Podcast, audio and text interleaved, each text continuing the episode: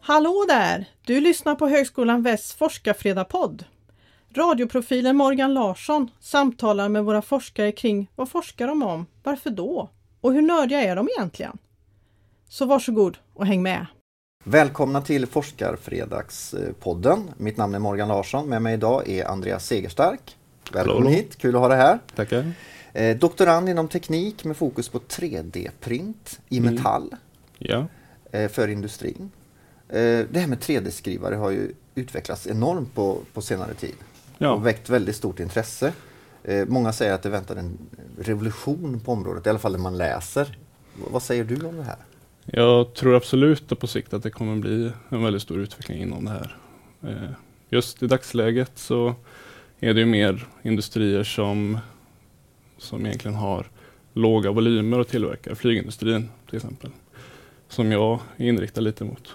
Vad gör ni då? Vad 3D-skriver ni inom flygindustrin för något? I dagsläget är det, den tekniken jag håller på med är lite mer reparation, så det är inte så mycket 3D-skrivning, men att vi skriver lite saker på komponenter som inte riktigt är... Man tillverkar simplare komponenter och skriver till saker till dem. Så det kompletterar de här grejerna Ja, med precis. 3D-skrivning? För att få in eh, mer avancerade deta- detaljer och sånt i dem. Ja, precis. Eh, men vad, säger du annars här, rent allmänt? Eh, är det en revolution som väntar? Kommer det vara en 3D-skrivare i varenda rum hemma? Ja, jag... Tror du det? det? På sikt så tror jag att det kommer, eh, kanske inte den närmsta framtiden, men alltså det stora svårigheten idag är ju priset. Det kostar otroligt mycket. En normal person har inte råd att köpa en 3D-skrivare. Om man får ner priset här, vad, vad skulle man kunna göra för skriva för grejer till exempel? Alltså det är egentligen fantasin som sätter gränserna. Är Om jag bara säger något, ja, en fotboll. en fotboll. Det var svårt. Det är lite svårt. Om du vill ha en fotboll i plast eller i metall. Det, är- det är svårt med Metall bi, bio. Det finns bioskrivare. Läst lite grann där de kan skriva ut med hjälp av ja, biomaterial. Jag vet inte hur det är med läder och så. Om Nej. det är Fast de möjligt. väl i sån här konstgjort eh, material nu för tiden tror jag. Säkerligen. Eh, men vad är det som du tycker är mest spännande med den här forskningen? tycker att det är ett väldigt spännande område. Givetvis i sin helhet att då, som du säger, bara kunna skriva ut någonting. Det hålls ju på ganska mycket inom plast där, de då, där skrivarna nu är inom en ganska rimlig nivå och kan få en skrivare för 10 000. Skriva ut plastdetaljer till vad som helst. Eh, hänger till tavlor eller om man vill ha en, någonting gå sönder på din, eh, ditt tangentbord så kan du skriva ut en liten detalj där för att ersätta den. Då. Ja, just det. Så intressant och om man kan föra det här till metall. Så går en bil sönder, ja, nej, nu behöver jag den här delen till min bil. Då kan jag skriva ut den. Det har varit väldigt fräckt. Ja, just det. Och det är alltid från de här avancerade grejerna i metall, men också hemma. Jag behöver ett lock till den här burken. Ja, precis. En sån där Mm små reparationsgrejer eller små saker man aldrig får tag på annars, de kan man skriva ut då. Ja, precis. Det, så det, det är ju otroligt intressant inom den tekniken. Sen jag då som inriktar lite mer till flygindustrin då och håller på med en teknik som givetvis den, den kan användas som 3D-skrivare men den metoden jag använder där har vi ett munstycke och sprutar in pulver väldigt lokalt och bygger komponenter. Så vi tillför pulver och material där vi vill bygga. Har en laser för att smälta detta och kan då bygga strängar bredvid varandra tills vi bygger upp en komponent Mm. Och förbättra komponenter. och förbättra komponenter. Precis.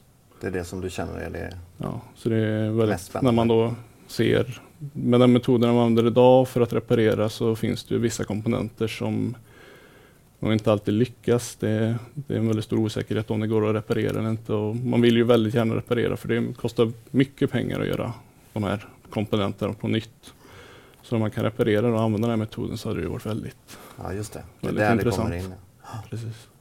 Eh, hur, hur kom det sig att du blev intresserad av de här grejerna? Alltså, Eller har du varit det sedan du var liten? Eller? Jag har alltid varit väldigt in, intresserad av teknik, får jag säga. Har varit ända sedan jag var liten, kommer ihåg att när saker gick sönder hemma, jag ville gärna plocka isär dem, kolla hur det såg ut inuti och Mm. pilla lite med det. Och, Många Klart. radioapparater som låg i sina olika delar. ja, precis. Det var ju inte att man fick ihop det än kanske, se vad som fanns inuti och så. Mm. Sen var det datorer då, plocka isär dem och jag vet inte hur många datorer som har rykt med där då. Kanske de funkar när jag började men Ja. slutade funka och sen funkar de när jag var klar igen. Ja, just det. Lyckades Så, ändå. Ja, mm, mycket trial and error men till slut och fick ett förbud där ett tag att plocka isär datorerna för det ville sig inte alltid. Nej, just det. Men du lärde dig på resan Precis. och sen så ökade intresset och sen så blev det även forskning. Hur kom det sig att du gick ifrån intresserad och till forskare? Ja, in, intresset ledde mig då till gymnasiet och teknikprogrammet och vidare till ingenjörsprogrammet. Sen då när jag valde att plugga vidare till magister så kände jag att svetsning var ett område som jag var väldigt intresserad av. Och det kan väl ha lite med familjens historia att göra, att min far och farfar och morfar alla hållit på med svetsning. Mhm. Så eh, när jag ansökte om tjänsten och utbildningen då som doktorand så var det inom svetsning jag inriktade mig. Mhm. Och var inte, ja, när jag sökte, ansökte här så var jag inte helt hundra på vad 3D-skrivning var. Men det var annonserades även som svetsning så det var det som fick mig då. Ja, men det här verkar Den intressant. kopplingen gör man inte riktigt naturligt. Nej, jag mm, visste inte exakt vad det var. Det var så här påläggssvetsning lade de ut det som då. Mm. Som det egentligen är, att man svetsar lager på lager uppe på varandra. Ja, när man tänker på det så är det ju faktiskt så. Mm, precis. Det är en avancerad form av svetsning. Ja, 3D-skrivning. med, ja, det kan man säga på Ja. sätt och vis. Det, det är ju samma. Om man ser reparationssvetsning så lägger man ofta många lager. Då har man en kanske utfräst spår som man då fyller i och då lägger man lager på lager. Då bygger man inte utanför geometrin utan man bara läker det som har försvunnit om man säger så.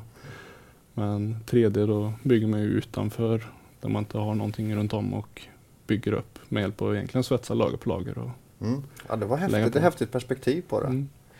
Eh, Ja. Så ja, jag visste ju egentligen då, ja, som sagt, visste inte riktigt vad 3D-skrivning var när jag sökte det här och blev ju ännu mer intresserad av när man såg det. Och det var ju då ganska långt ifrån vad mina, min farsa och morfar och farfar höll på med när de höll på med svetsning. Men det Ja, blev det. ändå den Men inriktningen kan på du sätt och och, din farsa till exempel eh, prata svetsning fast ur ett eh, 3D-skrivarperspektiv eller fattar de inte alls vad du håller på med? Eller? 3D-perspektivet och att man då håller på med en laser för att svetsa det är väldigt långt Där ifrån. Lång, det är väl ganska långt ifrån vad de är vana vid så, så sett. Men sen så har jag givetvis fått utbildning inom eh, svetsning i sig också då i och med det här. Att doktorera inom en slags svetsteknik kan man säga. Så klart att då har man kunnat prata lite mer om svetsning i allmänhet när man då ja, jag börjar den här kursen nu och eh, börjar, pra- börjar ja, läsa om det här och pratar man, ja men då, då ja den svetsningen, ja, så, Den känner de igen? ja men då blir det lite mer igenkännings för dem då. Mm. Ehm, bor det en nörd i dig? Det kan jag nästan gissa när du berättar att du plockar isär datorer hemma Ja, och sätter ihop dem. ja precis, jo det kan man väl säga att det gör. Ja, Har du nytta av nörden inom forskningen? det har jag absolut. På vilket Eh, sätt då? Ja, ett område eller en sak som jag gillar att göra det är att effektivisera det jag håller på med hela tiden. Så jag gillar att göra olika program och skript och sådana grejer för att underlätta hela tiden. Det är säkert ganska vanligt men jag gillar också att utveckla mig själv. Så när jag håller på att läsa mycket då började jag kolla lite på speed reading och se hur kan jag lära mig läsa fortare för att då Mm. kunna ja, komma igenom alla artiklar och på ett snabbt sätt så att jag tar in all information. Men vad häftigt här att du ändå på något sätt använder nörden inom dig till att dra dig ännu djupare in i forskningen på olika plan, både personligt och... Eh, Ja, precis. eh, har du något exempel på där du rent konkret får sett att din forskning har haft effekt i verkligheten? Alltså just min forskning då är väl lite i sin vagga ännu. Att det har inte riktigt kommit ut och blivit applicerad.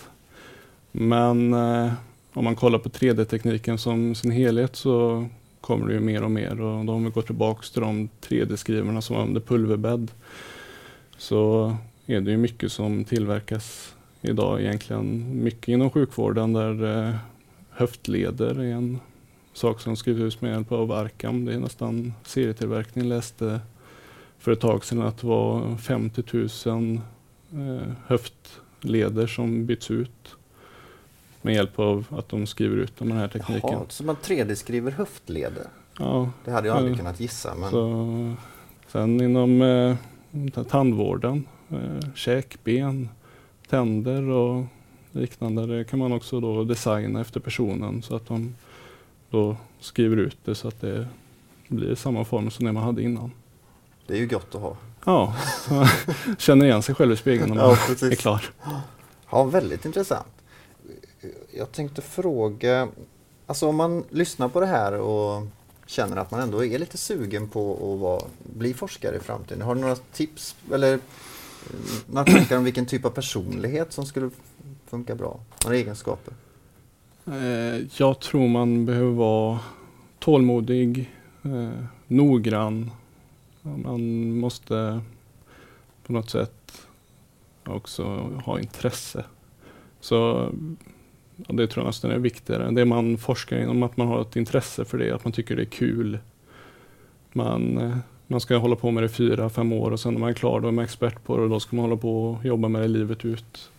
Så att man då verkligen tycker att det är roligt det man håller på med. Och Mm. Det är intresset som är själva glöden och drivkraften och sen så finns de andra grejerna. Precis, och då Envishet och... när man eh, är expert på det så att man tycker att det är roligt att utvecklas genom det här och sen det, det blir en hobby på något sätt i sig. Mm. Ja, just det. Det blir ens liv och då är det ju bra att vara intresserad. Precis. Ehm, har du själv någon sån här dröm, typ ett stort mål som du skulle vilja uppnå med din forskning? Det där vore gott alltså. Jag vet inte vad det skulle kunna vara men... Nu får du vara fri här. Framtiden är Ja, händer. precis. Men man, givetvis ska man vilja göra något stort banbrytande inom det. Att man, man liksom förde det här framåt, att man fick ett steg vidare mot att, som du säger, man har det hemma i, i vardagsrummet. Den skriver, men om det skulle vara ett slags ändamål då, att man på något sätt hittar någon bra, något genombrott för det. För hur man eh, snabbt kan skriva ut någonting och eh, billigt, eller?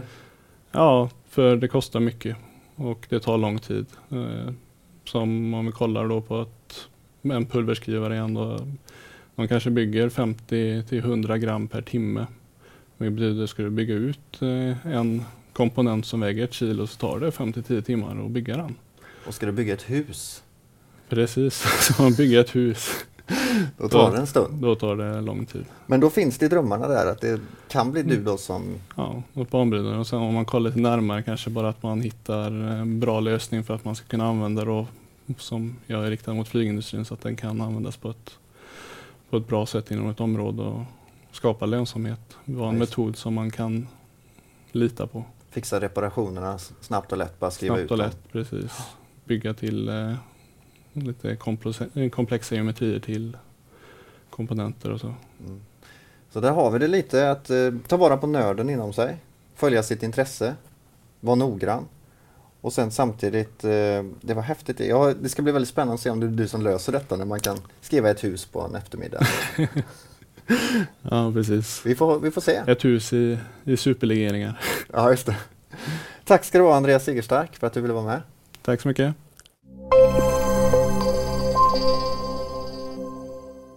Du har nu lyssnat på Forskarfredagpodden från Högskolan Väst.